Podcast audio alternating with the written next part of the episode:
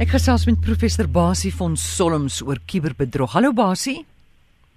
Goeiemôre daar en aan almal daar buitekant. Zelda Legrandsie se identiteit is gesteel en gebruik om sekere kriptogeldeenhede te adverteer. Wat beteken dit? Ja, ek dink dit is nogal 'n uh, uh, onaangename situasie, nie noodwendig omdat dit nou spesifiek oor haar gaan nie, maar dit is die situasie wat ek dink uh, almal van ons luisteraars verskriklik attent op moet wees. Wat basies hier gebeur het is iemand wat net eenvoudig weer 'n uh, 'n kiber bedrog wou pleeg, 'n kiber 'n kiberrot wat ons nou maar by sy naam noem of 'n kiberrotten. Ek weet nie wat dit is nie. Het net eenvoudig uh uh wou geld maak en hulle het net eenvoudig haar naam gevat. Mm.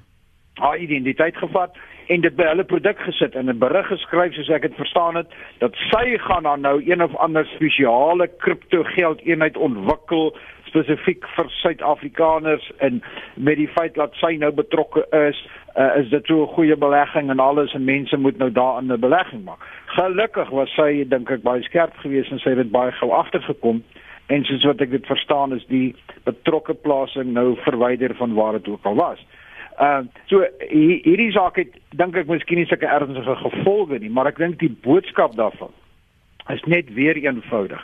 Jy weet al kom daar 'n uh, 'n uh, plasing of is daar iewers op 'n sosiale netwerk waar waar iemand soos Marietta self sê ry rustig van Koster af Pretoria toe of uh, Johannesburg toe moet dit nie sommer glo nie gaan doen jou navorsing wat ons al hoeveel keer gesê het al is die persoon wat geassosieer daar word daarmee word nou regtig bekend in in in en jy en jy sal die persoon glo maar onthou die persoon se identiteit kan deur hierdie kiberotte gevat word en hulle kan nagemaak word. Iemand kan namens die persone dan iets sê en, en dit is maar net 'n vorm van vals nuus.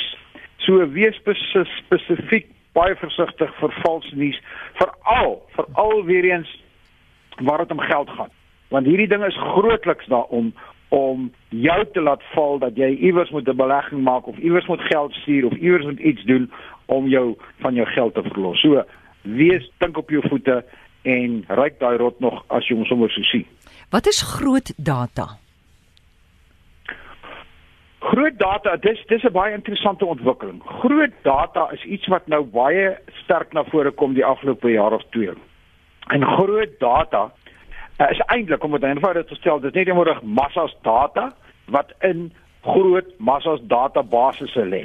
En in in data layers dwars oor die internet en die kuberruimte versprei wat in die wolk gestoor is ensovoorts. Want omdat ons nou so baie sensors het jy weet as jy net eenvoudig 'n fiksheids met 'n uh, fiksheids toestel op jou arm het dan word daar soveel inligting van jou versamel elke dag en daai data word gestoor iewers in die kuberruimte nou hoe meer en meer mense van hierdie data bymekaar maak, hoe meer kan jy dit begin gebruik om uh rekenaarprogramme te leer. Byvoorbeeld, ek sal vir jou twee voorbeelde gee. Uh Google het nou gesê dat hulle kan deur massas data te bestudeer. Mm.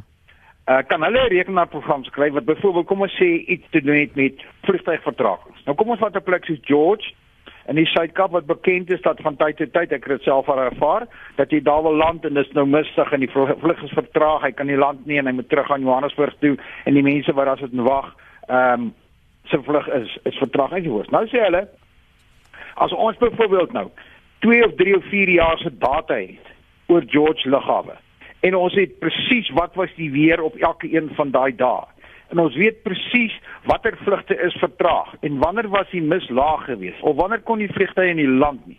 Dan kan ons nou 'n rekenaarprogram skryf en dis nou hier waar kunsmatige intelligensie hmm. en masjienleer inkom. Nou kan ons vir daai rekenaarprogram sê, gaan en soek was hierdie data, al hierdie data oor George. Gaan vind nou vir ons uit waar en wanneer was vlugte vertraag? Wat was die omstandighede gewees? Wat was die weer gewees 3 4 5 dae voor die vertraging? Hoe die weer ontwikkel? Wat was die reënvlakke? Wat was die temperatuur en al sulke tipe dinge? Uh en gaan ondersoek dit nou. En dan sê, sê jy vir die rekenaar, as jy dit nou het, dan gaan maak jy vir ons 'n voorspelling, wat was die faktore wat aanleiding gegee het dat die vlug vertraag is. Of dan kan ons sien dat ah, hier's 'n ooreenkoms. Dit is op so op so 'n dag, op hier's 5 dae wat die vlugte vertraag was weens mis. En hierdie en hierdie en hierdie en hierdie faktore het in al vyf daai gevalle 'n sterk rol gespeel. Nou kan ons begin voorspel. En ons kan gaan kyk as daar 5 dae voor die tyd weer eens sulke toestande is, dan kan jy begin voorspel en sê hoorie, ons dink die vlug gaan vertraag word. En hulle sê hulle is baie akkuraat. In baie gevalle is hulle groot persentasies hoog in terme van akkuraatheid. Nog 'n voorbeeld, presies dieselfde. Uh Google het nou ook 'n rekenaarprogram geskryf waar hulle nou oogprobleme ondersoek. Hulle hulle neem 'n uh, retina foto van jou oog wat baie maklik is. Enige optometris doen dit elke keer as jy daar kom. En dan kyk hulle wat het die wat het die dokter of die optometris geskryf is die probleem met die oog. Is daar glaukoom uh, sigbaar of wat ook al. Nou voer hulle duisende der duisende sulke fotos is nou beskikbaar in die kuberruimte want dit word gestoor is groot data. Nou ontwikkel hulle 'n rekenaarprogram en hulle sê vir hom, "Gaan kyk nou na al hierdie hierdie oogafdrukke en gaan leer nou wanneer sê 'n dokter hmm. daar's fout." En, en en leer jouself nou algoritme of rekenaarprogram. Nou gaan jy en en nou gaan gaan jy na optometrist toe en neem 'n foto van jou. Nou moet daai foto wat nou net van jou geneem is, gaan vergelyk jy dit nou met hierdie massas groot data wat hierdie rekenaarprogram versamel het en wat hy geleer het en hy sê onmiddellik vir jou.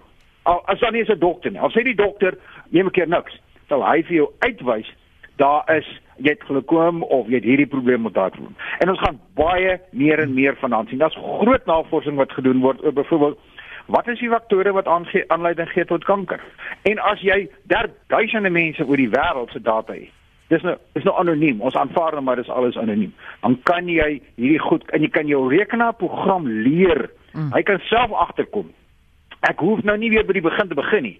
Ek het nou al uitgevind in George, ehm um, as die temperatuur onder hierdie ding is, dan dan moet ek begin soek. So ek gaan nie keer alles nie en so leer hy homself om die koste koste in die beste pad te vind deur hierdie ding. Ons gaan baie daarvan kry want data is die een ding. Data is eintlik baie belangriker as geld.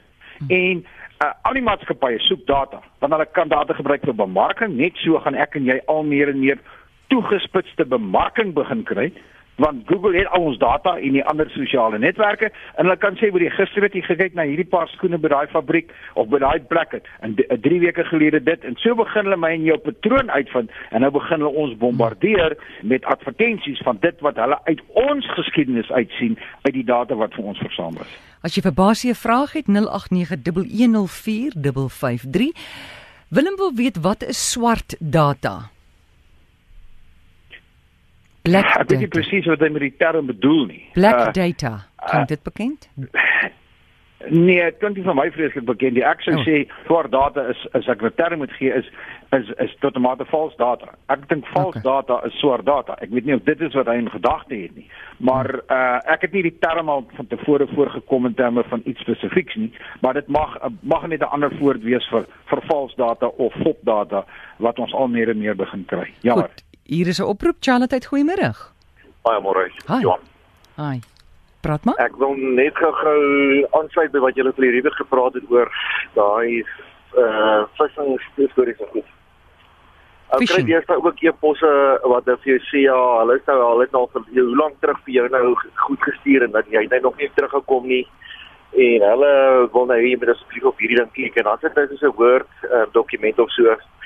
Uh en wat my een van my dinge wat ek nou kyk is, gaan kyk na die e-posadres uh, se einde. Mm. As hy sê .ri op die einde, dan beteken daai ding kom van Rusland af. Nou hoe gaan 'n ou vir jou is dit al 'n uh, uh, faktuur stuur van Rusland af as jy nog nooit met Rusland dit gekry het nie.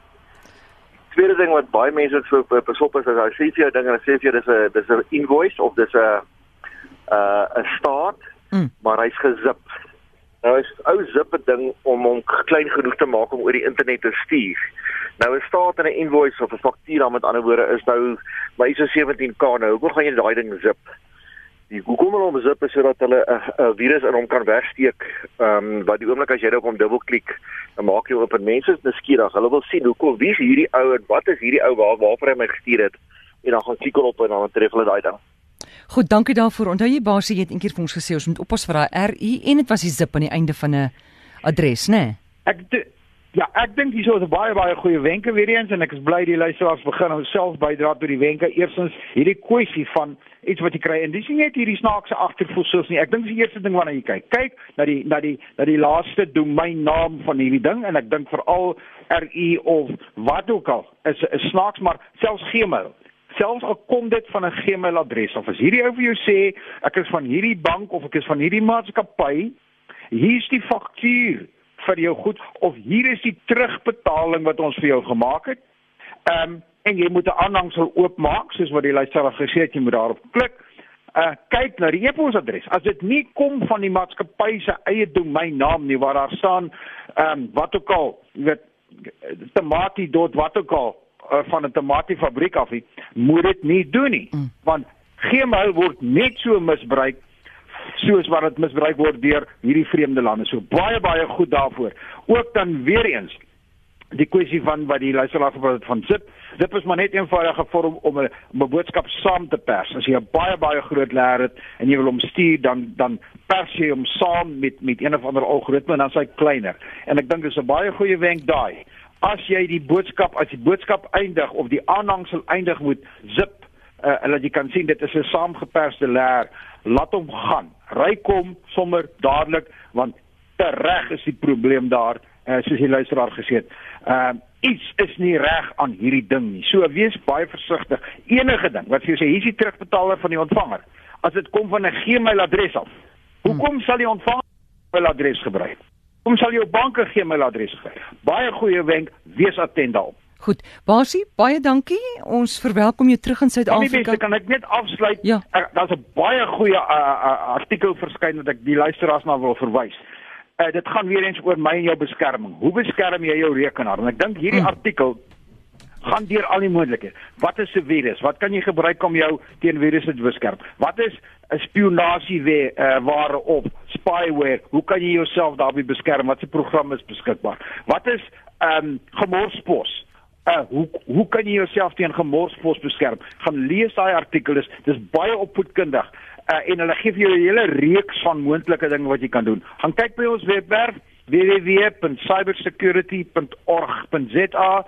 Ek het gevra dat die artikel of 'n verwysing na die artikel daar gelaai word. Ons het dit natuurlik nie al die programme getoets nie, maar ek dink deur net daardeur te lees, mm. kan jy jouself ook opskerp en bemagtig om te weet wat moet jy doen op jou rekenaar om jouself te beskerm.